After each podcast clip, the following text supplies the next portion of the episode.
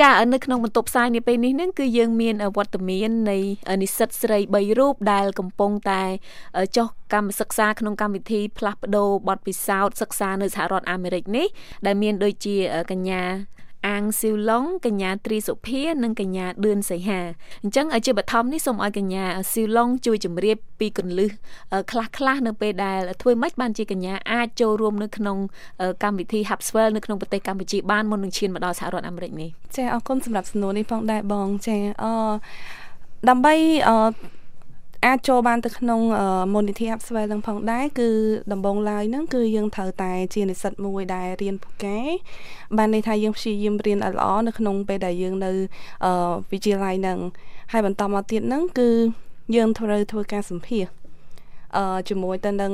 អ្នកគ្រប់គ្រងនៅ Munity Hubswell ក្នុងការចូលរួមហ្នឹងគឺត្រូវមានជាពីរដំណាក់កាលទី1គឺការសរសេរជាអត្ថបទបានសរសេរជា essay ថាហេតុអីបានយើងអឺ ចង់មករស់នៅក្នុងមូលនិធិ Upswell ហើយតើអឺគោលបំណងនៅថ្ងៃអនាគតរបស់យើងនឹងយើងចង់ធ្វើជាអីដែរហើយអាចជួយនៅក្នុងសង្គមយើងបានប៉ុណ្ណាហើយនឹងមួយទៀតនឹងគឺការសម្ភាសផ្ទាល់ជាមួយទៅនឹងអ្នកគ្រប់គ្រងនៅទីនោះផងដែរអញ្ចឹងក្នុងដំណាក់កាលហ្នឹងគឺគាត់នឹងធ្វើការវិនិច្ឆ័យហើយហើយនឹងធ្វើការវិតម្លៃតើតើយើងអាចមានសមត្ថភាពគ្រប់គ្រាន់នៅក្នុងការចូលមករស់នៅក្នុងមូលនិធិ Upswell ដែរឬអត់ចា ចុះចំពោះកញ្ញាត្រីសុភាវិញអឺចង់ឲ្យកញ្ញាជួយជម្រាបថាតើអ្វីទៅដែលជាគន្លឹះសំខាន់ដែលធ្វើឲ្យកញ្ញាទទួលបានជោគជ័យដូចថាឆ្លងកាត់ដំណាក់កាលផ្សេងផ្សេងហ្នឹងរហូតបានត្រូវបានមូលនិធិ Hubswell ហ្នឹងជ្រើសរើសឲ្យចូលរួមស្នាក់នៅក្នុងអន្តេវិសិកដ្ឋាននៅក្នុងប្រទេសកម្ពុជាហ្នឹងចា៎អរគុណបងចំពោះសំណួរដ៏ល្អនេះហើយខ្ញុំគិតថាចំពោះសំណួរមួយនេះក៏អាចคล้ายទៅជាកន្លឹះសម្រាប់ទៅដល់និស្សិតស្រីផ្សេងផ្សេងដែលគាត់អាចនឹងមាន លក្ខខណ្ឌស្តៀងនឹងខ្ញុំអញ្ចឹងគាត់អាចនឹងត្រៀមខ្លួនដើម្បីคล้ายទៅជានិស្សិតមួយរូបដែលអាចចូលមកស្នាក់នៅនៅអង្គការ Hubswell នេះបានអញ្ចឹងចំពោះខ្ញុំដំបូងឡើយគឺត្រូវតែជាសិស្សពូកែ មានន័យថាយើងយើងជាសិស្សបកែប្រចាំនៅថ្នាក់ហ្នឹងហើយលោកគ្រូអ្នកគ្រូគឺគាត់ស្គាល់យើងគាត់ដឹងច្បាស់អំពីចរិតលក្ខណៈរបស់យើងដែលម្យ៉ាងវិញទៀតគឺយើងត្រូវមានគោលដៅនៅក្នុងការបន្តការសិក្សាមកនៅទីក្រុងភ្នំពេញហើយយើងខ្វះនៅ លទ្ធភាពឬមួយក៏ព្រួយបារម្ភតាក់ទងទៅនឹងសុខភាពរបស់យើងនៅក្នុងការមករស់នៅភ្នំពេញហ្នឹងអញ្ចឹងនៅពេលដែលលោកគ្រូអ្នកគ្រូគាត់យល់ច្បាស់អំពីយើងស្គាល់អំពីយើងគាត់ដឹងថាយើងជាសិស្សកែមានឆន្ទៈខ្ពស់អញ្ចឹងគាត់នឹងជួយណែនាំយើងឲ្យមកជួបសម្ភាសជាមួយនឹងបុគ្គលិកដែលគាត់មកសម្ភាសពី Hubsware ហ្នឹងហើយចំណុចមួយទៀតហ្នឹងគឺយើងខ្លួនឯងហ្នឹងត្រូវស្គាល់ច្បាស់អំពី មានន័យថាចូលទៅស្វែងរកព័ត៌មានតាក់ទងទៅនឹងអង្គការ Hubsware នឹងផងដែរមុននឹងយើងចូលមកសម្ភាសនឹងពុំមែនមានន័យថានៅពេលដែលយើងត្រូវបានគេបញ្ជូនឈ្មោះមកហើយតែយើងអត់មានបានស្គាល់អីច្បាស់ពីតើ Hubsware ជាអីឬមួយក៏អីទេអញ្ចឹងវាអាចជា ចំណុចមួយដែលធ្វើឲ្យយើងធ្វើមិនបានល្អនៅក្នុងការសម្ភាសដែរអញ្ចឹងយើងត្រូវចំណាយពេលវេលាដើម្បីមើលថាតើ Hubsware ជាអីតើគាត់ផ្ដល់អីខ្លះឲ្យយើងលក្ខន្តិកៈអីខ្លះដើម្បីត្រៀមខ្លួនឲ្យបានល្អហើយចំណុចទី3ហ្នឹងគឺតាក់ទងទៅនឹងឆន្ទៈរបស់យើងដែលគិតថាយើងត្រូវមានឆន្ទៈនៅក្នុងការធ្វើកិច្ចការងារអ្វីមួយក្នុងភាពជាអ្នកដឹកនាំដែលយើងមានឆន្ទៈ ពុះពៀចង់ខ្លាយទៅជាអ្នកដឹកនាំនៅថ្ងៃអនាគតជាស្ត្រីមួយដែលអង្គអាចក្លាហានអញ្ចឹងកលឹះសំខាន់ទាំងអស់នឹងហើយដែលជាកត្តាដែលធ្វើឲ្យយើងនឹងអាចជាប់មកនៅ Hubsfeld បានចាឥឡូវងាកទៅកញ្ញាឌឿនសីហាចង់ឲ្យកញ្ញាជួយរៀបរាប់ថាតើអត្ថប្រយោជន៍ដែលបានពីការដែលកញ្ញាត្រូវបានជ្រើសរើសឲ្យចូលរួមជានិស្សិតនៅមូលនិធិ Hubswell ហ្នឹងតើទទួលបានអ្វីខ្លះចាអរគុណបងសម្រាប់សំណួរហ្នឹងអឺ នៅពេលដែលខ្ញុំបានមកនៅ Hubswell និយាយទៅគឺទទួលបាននៅអឺចាហាវាដូចជាកន្លែងមួយដែលផ្លាស់ប្ដូរខ្ញុំអញ្ចឹងខ្ញុំកាលពីមុនជាមនុស្សម្នាក់ដែលអត់សូវចេះនិយាយច្រើនម៉ែនេះប៉ុន្តែអឺស្ងប់ស្ងាត់ហើយក៏អត់សូវបានយល់ដឹងពីចាហាអឺមជ្ឈដ្ឋានជុំវិញឬមួយក៏ ព្រឹត្តិការណ៍ជាតិឬអន្តរជាតិទេប៉ុន្តែនៅពេលដែលបានមកនៅ Hubswell យើងបានឆ្លងកាត់នៅការរៀនការវិភាគថ្នាក់កសែតការបង្ហាត់បង្ហាញផ្នែកជាអ្នកដឹកនាំនិងការរស់នៅជាសហគមន៍ជាមួយនឹងបងប្អូនស្រីដែលគាត់មកពីបើខេត្តផ្សេងផ្សេងហើយគាត់មានបុគ្គលិកលក្ខណៈខុសៗគ្នាអញ្ចឹងធ្វើឲ្យយើងនឹងបានយល់កាន់តែច្រើនអំពីចាចរិតលក្ខណៈរបស់មនុស្សក៏ដូចជាអឺចំណេះដឹងផ្សេងផ្សេងតាក់ទងទៅនឹងព្រឹត្តិការណ៍ជាតិអន្តរជាតិអញ្ចឹងវាគឺជា អាចថាជាដូចដូចជាចំណេះដឹងដ៏ធំមួយដែលដែលអាច ផ្លាស់ប្ដូររូបយើងនឹងទៅជាមនុស្សមួយផ្សេងទៀតដែលថ្មីអញ្ចឹងចាអញ្ចឹងឥឡូវងាកមកកញ្ញាស៊ីវឡុងវិញម្ដងអំបញ្ញមិញនេះយើងបានពិភាក្សាគ្នាអំពីកន្លឹះនិងអត្ថប្រយោជន៍មួយចំនួននៃការទទួលបានអាហារូបករណ៍សិក្សានៅមូលនិធិ Hubswell នៅក្នុងប្រទេសកម្ពុជាចុះងាកមកការកន្លឹះនៃការទទួលបានអាហារូបករណ៍មកសិក្សានៅសហរដ្ឋអាមេរិកនេះវិញតាមរយៈមូលនិធិ Hubswell ហ្នឹងថាតើកញ្ញាអាចជួយចែករំលែកបានទេតើតើមានកន្លឹះអ្វីខ្លះដើម្បីទទួលបានភាពជោគជ័យរហូតមកដល់សហរដ្ឋអាមេរិកនេះចាអរគុណបងសម្រាប់សំណួរនេះផងដែរអញ្ចឹងនៅក្នុងការដែលខ្ញុំបានត្រូវមកជ្រើសរើសចូលឲ្យរួមក្នុងកម្មវិធីនៅសហរដ្ឋអាមេរិកនេះផងដែរគឺត្រូវឆ្លងកាត់ដំណាក់កាល4ធំធំអញ្ចឹងដំណាក់កាលទី1នោះគឺការធ្វើតេស្តភាសាអង់គ្លេសដែលជា format របស់គេធ្វើនោះគឺស្តៀងទៅនឹង IELTS ផងដែរហើយទី2គឺ personal statement តើយើងសរសេរយ៉ាងណា ដើម្បីឲ្យបានន័យថាយើងអាចបញ្ចុះបញ្ចូលគេឲ្យគេគិតថាយើងពិតជាចង់មកសិក្សាផ្លាស់ប្ដូរកម្មវិធីនៅសហរដ្ឋអាមេរិកនេះផងដែរហើយទី3នោះគឺតកតងជាមួយទៅនឹងថា transcript តើការសិក្សារបស់យើងនៅសាលានៅសាកលវិទ្យាល័យនៅក្នុងប្រទេសកម្ពុជាយើងយើងធ្វើបានល្អប៉ុណ្ណាដែរហើយនឹងទី4នោះតកតងជាមួយទៅនឹងគេហៅថា social activity របស់យើងការងារស្ម័គ្រចិត្តរបស់យើងមិនថានៅយើងនៅក្នុងមូលនិធិ Upswell យើងជាបុគ្គលជា បុគ្គលម្នាក់ដែលល្អដែលជួយរួមនៅក្នុងសង្គមច្រើនហើយនៅខាងក្រៅហ្នឹងក៏យើងធ្វើបានល្អផងដែរអញ្ចឹងអា4ចំណុចសំខាន់សំខាន់ហ្នឹងហើយដែលត្រូវបានគេធ្វើការពិចារណា ថាតើយើង qualify ជាមួយនឹងកម្មវិធីនឹងដែរឬអត់ដូច្នេះហើយអញ្ចឹងនៅពេលដែលយើងបើសិនជាយើងពិតជាចង់បាននៅក្នុងចង់ជោគជ័យទៅនឹងអ្វីដែលយើងចង់បានហ្នឹងគឺយើងត្រូវតពុះពៀបានន័យថាត្រូវសិតគោលយើងឲ្យច្បាស់លាស់ហើយយើងធ្វើទៅតាម criteria ដែលគេតម្រូវនឹងផងដែរ ចាមានន័យថាលក្ខខណ្ឌដែលគេតម្រូវឲ្យធ្វើអញ្ចឹងទៅចាអឺចង់ងាកទៅកញ្ញាសុភាវិញថាតើតាមរយៈការបទពិសោធន៍នៃការផ្លាស់ប្ដូរកម្មវិធីសិក្សាមកនៅសហរដ្ឋអាមេរិកនេះដោយកញ្ញានឹងបានសិក្សាអស់រយៈពេលមួយឆមាសរួចមកហើយថាតើចំណុចអ្វីខ្លះដែលកញ្ញាសម្គាល់ឃើញតកតងទៅនឹងការអប់រំនៅសហរដ្ឋអាមេរិកនិងភាពខុសប្លែកជាមួយនឹងការអប់រំនៅក្នុងប្រទេសកម្ពុជាយើងនោះចា៎ ចាបងអរគុណសម្រាប់សំណួរដ៏ល្អមួយនេះអញ្ចឹងភាពខុសប្លែកគ្នាដែលខ្ញុំសង្កេតឃើញរយៈពេលមួយឆមាសដែលខ្ញុំបានសិក្សានៅទីនេះគឺខ្ញុំឃើញថាការសិក្សានៅសហរដ្ឋអាមេរិកនេះគឺមានលក្ខណៈជឿនលឿនទាំងអតកតងទៅនឹងនៅក្នុងថ្នាក់រៀនក៏ដូចជាមុខវិជ្ជាដែលយើងរៀនមានន័យថាទី1ហ្នឹងការខុសប្លែកគ្នាសំខាន់ទី1គឺតកតងទៅនឹងរបៀបនៃការរៀនគឺខុសគ្នា នៅក្នុងសហរដ្ឋអាមេរិកនេះគឺអ្វីដែលខ្ញុំមកសិក្សាគឺជ្រើសរើសនៅជំនាញដែលយើងស្រឡាញ់អឺយើងយើងស្រឡាញ់អឺវគ្គជំនាញខ្លីៗណាមួយដែលសិក្សារយៈពេលមួយឆមាសហ្នឹងដែលថាយក credit 3ឬ4ហ្នឹងអញ្ចឹងគឺយើងអាចចុះឈ្មោះយករៀនជំនាញហ្នឹងដែលខុសប្លែកពីការដែលខ្ញុំរៀននៅសាកលវិទ្យាល័យតាក់ទងទៅនឹងផ្នែកនីតិសាស្ត្ររបស់ខ្ញុំហ្នឹងគឺសាលាគឺជាអ្នករៀបចំនៅអឺ មុខវិជ្ជាឲ្យយើងរៀនតែម្ដងអញ្ចឹងបើឆមាសនេះយើងរៀនជំនាញតាក់ទងទៅនឹងអឺ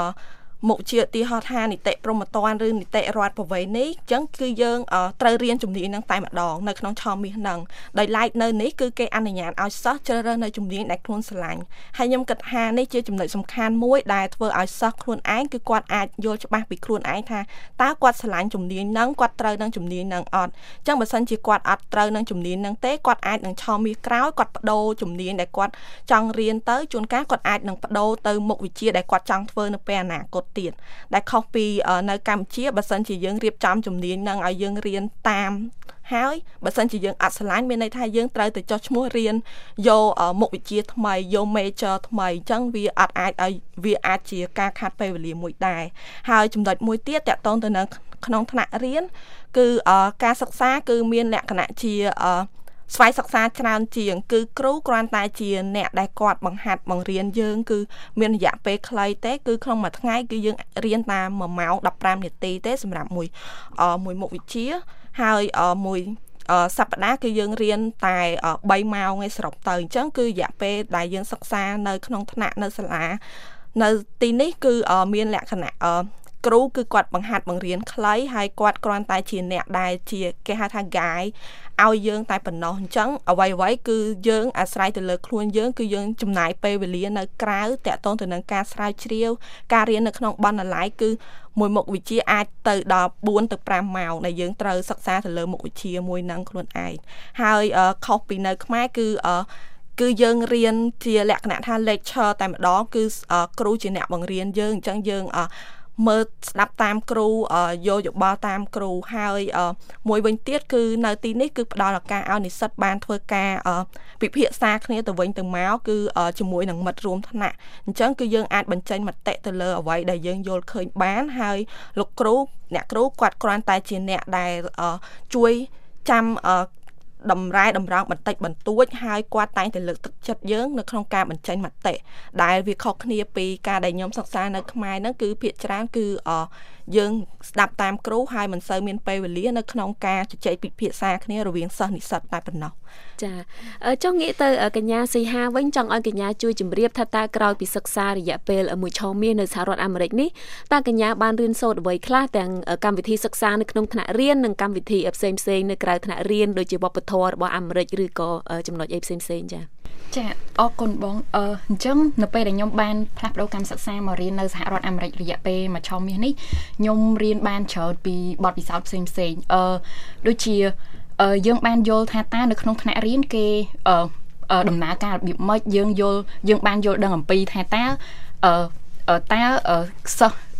ព្រោះអីយើងរៀនជាមួយនឹងសិស្សជនជាតិបរទេសអញ្ចឹងយើងបានដឹងថាតើគំនិតនៃការយល់ឃើញរបស់គាត់ហ្នឹងវាខុសពីយើងរបៀបម៉េចអាហ្នឹងអញ្ចឹងវាគឺជាចំណុចមួយដែលយើងអាចយល់យល់ យកចំណុចហ្នឹងមកមកដាក់ក្នុងខ្លួនយើងហើយយើងគិតថាតើអឺ នៅក្នុងស្រុកគេគេអភិវឌ្ឍបែបនេះអញ្ចឹងគេមានការគិតរបៀបម៉េចដល់ពេលយើងយើងនៅក្នុងជាប្រទេសកំពុងអភិវឌ្ឍអញ្ចឹងយើងការយើងយើងបានឃើញពីភាពខុសគ្នានៅក្នុងការគិតរបស់គេហើយដល់ពេលចំណុចផ្សេងផ្សេងទៀតដូចជាវប្បធម៌យើងបានយល់បានច្រើនតាក់ទងទៅនឹងថារ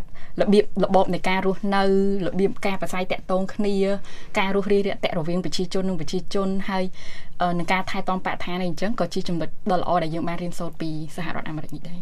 ចាចា ចង់សួរកញ្ញាសៀវឡុងវិញដោយសារនៅប្រទេសកម្ពុជានឹងសិក្សាទៅលើខាងផ្នែកអសុទ្ធដើម្បីក្លាយជាអសុទ្ធការីម្នាក់អញ្ចឹងតាមមកសហរដ្ឋអាមេរិកនេះកញ្ញារៀនសូត្របានអ្វីខ្លះដែលពាក់ព័ន្ធជាមួយនឹងមុខជំនាញនៅប្រទេសកម្ពុជាឬក៏ជាជំនាញដែលថ្មីទាំងស្រុងតែម្ដងសម្រាប់កញ្ញាតាមចេះអរគុណបងសម្រាប់សំណួរមួយនេះផងដែរតាមពិតទៅ ពេលដែលនាងខ្ញុំមកដល់នៅក្នុងសហរដ្ឋអាមេរិកនេះគឺនាងខ្ញុំជ្រើសរើសការសិក្សានោះគឺខុសពីជំនាញរបស់នាងខ្ញុំផ្ទាល់តែម្ដងដែរជំនាញរបស់នាងខ្ញុំគឺតកតងជាមួយនឹងខាងផ្នែកវិទ្យាសាស្ត្រអសតសាស្ត្រផងដែរប៉ុន្តែមកដល់ពេលនេះគឺសម្រាប់ឆមាសទី1ហ្នឹងគឺនាងខ្ញុំជ្រើសរើសមុខវិជ្ជាជាការសិក្សាទូទៅដែលក្នុងហ្នឹងមានថ្នាក់ជាភាសាអង់គ្លេសថ្នាក់ភាសាបារាំងថ្នាក់អឺគេហៅថាថ្នាក់ ខ្ញុំអាតខ្លះខ្ញុំពិបាកបកនៅក្នុងខ្មែរថាថ្នាក់សិល្បៈថ្នាក់សិល្បៈដែលតកតងជាមួយនឹងការ design ជាលក្ខណៈ 2D ហើយនឹងមួយទៀតគឺថ្នាក់ sustainability ដែលអឺទាំងអស់ទាំងអស់ហ្នឹងគឺសិតតែជាផ្នែកផ្នែកសង្គមទេអឺ ហើយនឹងសិល្បៈឯងវាអត់មានចូលក្នុងផ្នែកខាងវិទ្យាសាស្ត្រដែលនាងខ្ញុំធ្លាប់តែរៀនក្នុងរយៈពេល4ឆ្នាំហ្នឹងផងដែរអញ្ចឹងមានអារម្មណ៍ថាវាថ្មីមែនទែនសម្រាប់នាងខ្ញុំទាំងភាសាទាំងការតំណាក់តំណងជាមួយគ្រូទាំងបរិយាកាសនៅក្នុងថ្នាក់ហ្នឹងគឺដំបងឡាយគឺវាគេហៅថាធ្វើឲ្យខ្ញុំនឹងឡើងពិបាកមែនតើនៅក្នុងការអឺអាចាស់ខ្លួនខ្ញុំទៅនឹងការរៀននៅក្នុងបឋមហ្នឹងក៏ប៉ុន្តែអស់រយៈពេលប្រហែលជា 4សប្តាហ៍នាងខ្ញុំចាប់ផ្ដើមទម្លាប់នៅក្នុងការរៀនពីអ្នកនៅជុំវិញនាងខ្ញុំហើយនាងខ្ញុំជាពិសេសហ្នឹងគឺនាងខ្ញុំអាសាទៅជួបគ្រូព្រោះនៅក្នុងទីនេះគឺនៅក្នុងសហរដ្ឋអាមេរិកនេះគឺអ្វីដែលខ្ញុំគួរឲ្យសរសើរជាងគេគឺយើងនៅក្នុងការងារនិងក្នុងការ approach ជាមួយគ្រូបើយើងសិនជាយើង មានចម្ងល់អីយើងអត់ចេះអីយើងអត់យល់ថងណាគឺយើងអាចទៅសួរគាត់បានដោយសារតែគាត់មាន office hour មួយដែលអឺបានន័យថាពេលវេលាហ្នឹងគឺគាត់ចាំឲ្យតែសិស្សចូលទៅជួបគាត់ទេបើយើងអត់យល់អត់អីអញ្ចឹងគឺមានអារម្មណ៍ថាគាត់ផ្ដល់ឱកាសឲ្យយើងច្រើនណាបើមិនជាយើងអត់ចេះក៏យើងមានអារម្មណ៍ថាយើងអត់បាក់ទឹកចិត្តដែរគ្រូមានអ្នកចាំជួយយើងជារៀងរហូតផងដែរតែត្រឡប់ទៅឆមាសទី2នេះវិញគឺនាងខ្ញុំជ្រើសរើសមុខវិជ្ជាដែលនឹងតកតងជាមួយនឹងអឺផ្នែកអឺខាងអឺ major របស់នាងខ្ញុំច្រើនដោយសារតែខ្ញុំនាងខ្ញុំនឹងជ្រើសរើសរៀនខាងផ្នែកគីមីវិទ្យាខាងផ្នែក អឺអាហារូបត្ថម្ភដែលយើងហៅថាជា nutrition ហើយផ្នែកមួយទៀតគឺតកតងជាមួយទៅនឹងអឺសុខភាពសាធារណៈដែលតកតងជាមួយនឹង epidemiology អឺហើយនឹងមួយទៀតគឺភាសាបារាំងផងដែរចាចា ដោយសារតែកញ្ញាទាំង3ហ្នឹងបានបញ្ចប់មួយឆមាសហើយនៅសល់ការសិក្សារយៈពេលមួយឆមាសទៀតដោយសាររយៈពេលការផ្លាស់ប្ដូរការសិក្សាសរុបហ្នឹងគឺដល់ទៅមួយឆ្នាំអញ្ចឹងចង់ឲ្យកញ្ញាស៊ីវឡុងជួយបញ្ជាក់ថាតើក្រោយពីបញ្ចប់ការសិក្សាកម្មវិធីផ្លាស់ប្ដូរការសិក្សារយៈពេលមួយឆ្នាំនៅសហរដ្ឋអាមេរិកហ្នឹងពេលត្រឡប់ទៅប្រទេសកម្ពុជាវិញតើនឹងមានផែនការអ្វីបន្តទៀតដែរ អឺសម្រាប់នាងខ្ញុំដោយសារតែនាងខ្ញុំនៅបន្តនៅក្នុងការមួយឆ្នាំទៀតដើម្បីបញ្ចប់នៅការសិក្សាឆ្នាំទី5របស់នាងខ្ញុំដើម្បីទទួលបាននៅបញ្ញាបត្រអសតសាស្ត្រហ្នឹងអញ្ចឹងនាងខ្ញុំមានកម្រងខ្លះខ្លះដូចជាការបង្កើតជា workshop មួយដើម្បីចែករំលែកថាតើការសិក្សានៅក្នុងសហរដ្ឋអាមេរិក របៀបនៅរបបនៅក្នុងការសិក្សានោះវាខុសគ្នាជាមួយនឹងការសិក្សានៅក្នុងប្រទេសកម្ពុជាយើងរបៀបណាយកប្រៀបធៀបនឹងយកចំណុចល្អល្អជាច្រើនដើម្បីចែករំលែកឲ្យមិត្តភ័ក្តិរួមថ្នាក់របស់នាងខ្ញុំផងដែរហើយបន្តទៅមុខទៀតហ្នឹងគឺនាងខ្ញុំស្វែងរកនៅគេហៅថា internships កម្មការចុះកម្មសិក្សាចាចាការចុះកម្មសិក្សាផងដែរនៅតាម pharmacy ឬក៏នៅតាម industry មួយមួយផងដែរចាអរគុណចុះចំពោះកញ្ញាសុភាវិញ មានផែនការអ្វីដែរពេលត្រឡប់ទៅប្រទេសកម្ពុជាវិញ ចាបងអឺចំពោះផែនការរបស់ខ្ញុំ គឺមានពីរធំធំ ទី1នៅក្នុងគោលដៅរយៈពេលខ្លីនេះគឺបន្ទាប់ពីត្រឡប់ទៅវិញគឺខ្ញុំនឹងស្វែងរកការចុះកម្មសិក្សានៅដោយសារតែនាងខ្ញុំគឺជានិស្សិតដែលសិក្សាផ្នែកនីតិសាស្ត្រអញ្ចឹងការចុះកម្មសិក្សារបស់ខ្ញុំគឺខ្ញុំសង្ឃឹមថានឹងទៅធ្វើការនៅ តាមការិយាល័យមេធាវីក៏ដូចជានៅតាមស្ថាប័នក៏ដូចជាស្ថាប័នសង្គមស៊ីវិលមួយចំនួន ដែលអាចជួយពង្រឹងនៅសមត្ថភាព ផ្នែកច្បាប់របស់ខ្ញុំហើយគោលដៅរយៈពេលយូររបស់ខ្ញុំគឺខ្ញុំចង់ធ្វើជាព្រះអញ្ញាហើយវាស្ដាប់ទៅអាចជាចម្លែកដែរដែលយើងជាស្ត្រីតែយើងចង់ខ្លាយទៅជាព្រះអញ្ញាតែនេះជាគោលដៅធំចម្បងរបស់ខ្ញុំចាចាហើយចោះចំពោះកញ្ញាសីហាវិញ ចាអរគុណបងអឺសម្រាប់ខ្ញុំនៅពេលដែលត្រឡប់ទៅវិញខ្ញុំអឺនឹងចូលរួមខ្ញុំចង់ចូលធ្វើការស្ម័គ្រចិត្តមួយចំនួនដើម្បីទទួលបានបទពិសោធន៍ខ្លះៗអាចជាការបង្រៀនទៅក្មេងៗហើយក៏ដូចជានៅពេលដែលយើងបង្រៀនយើងក៏អាចចែកបទពិសោធន៍អ្វីដែលយើងបានមានពីសហរដ្ឋអាមេរិកហ្នឹងទៅដល់ពួកគាត់ឬហើយខ្ញុំក៏ចង់ទៅ apply ការងារទៅខាងការ គ្រប់គ្រងគុណភាពចំណីអាហារដែលត្រូវនឹងជំនាញដែលខ្ញុំរៀនពីស្រុកខ្មែរហើយហើយនៅពេលដែលបានបទពិសោធន៍ខ្លះៗហើយខ្ញុំនឹងអឺអឺចង់បន្តការសិក្សាខាងផ្នែក Master Degree នៅប្រទេសអឺអាចជាអឺរ៉ុបឬមួយក៏ត្រឡប់មកខាងសហរដ្ឋអាមេរិកវិញ ចាចាអញ្ចឹងសូមជូនពរឲ្យអ្នកទាំង3សម្រេចទៅតាមគោលបំណងរៀងៗខ្លួនក្រោយពេលត្រឡប់ទៅប្រទេសកម្ពុជាវិញហើយក៏សូមអរគុណចំពោះការចំណាយពេលវេលាផ្ដល់បទសម្ភាសន៍ដល់ VOA នៅក្នុងពេលនេះចាសូមអរគុណសូមជម្រាបលាចាអរគុណអរគុណច្រើនបងសូមជម្រាប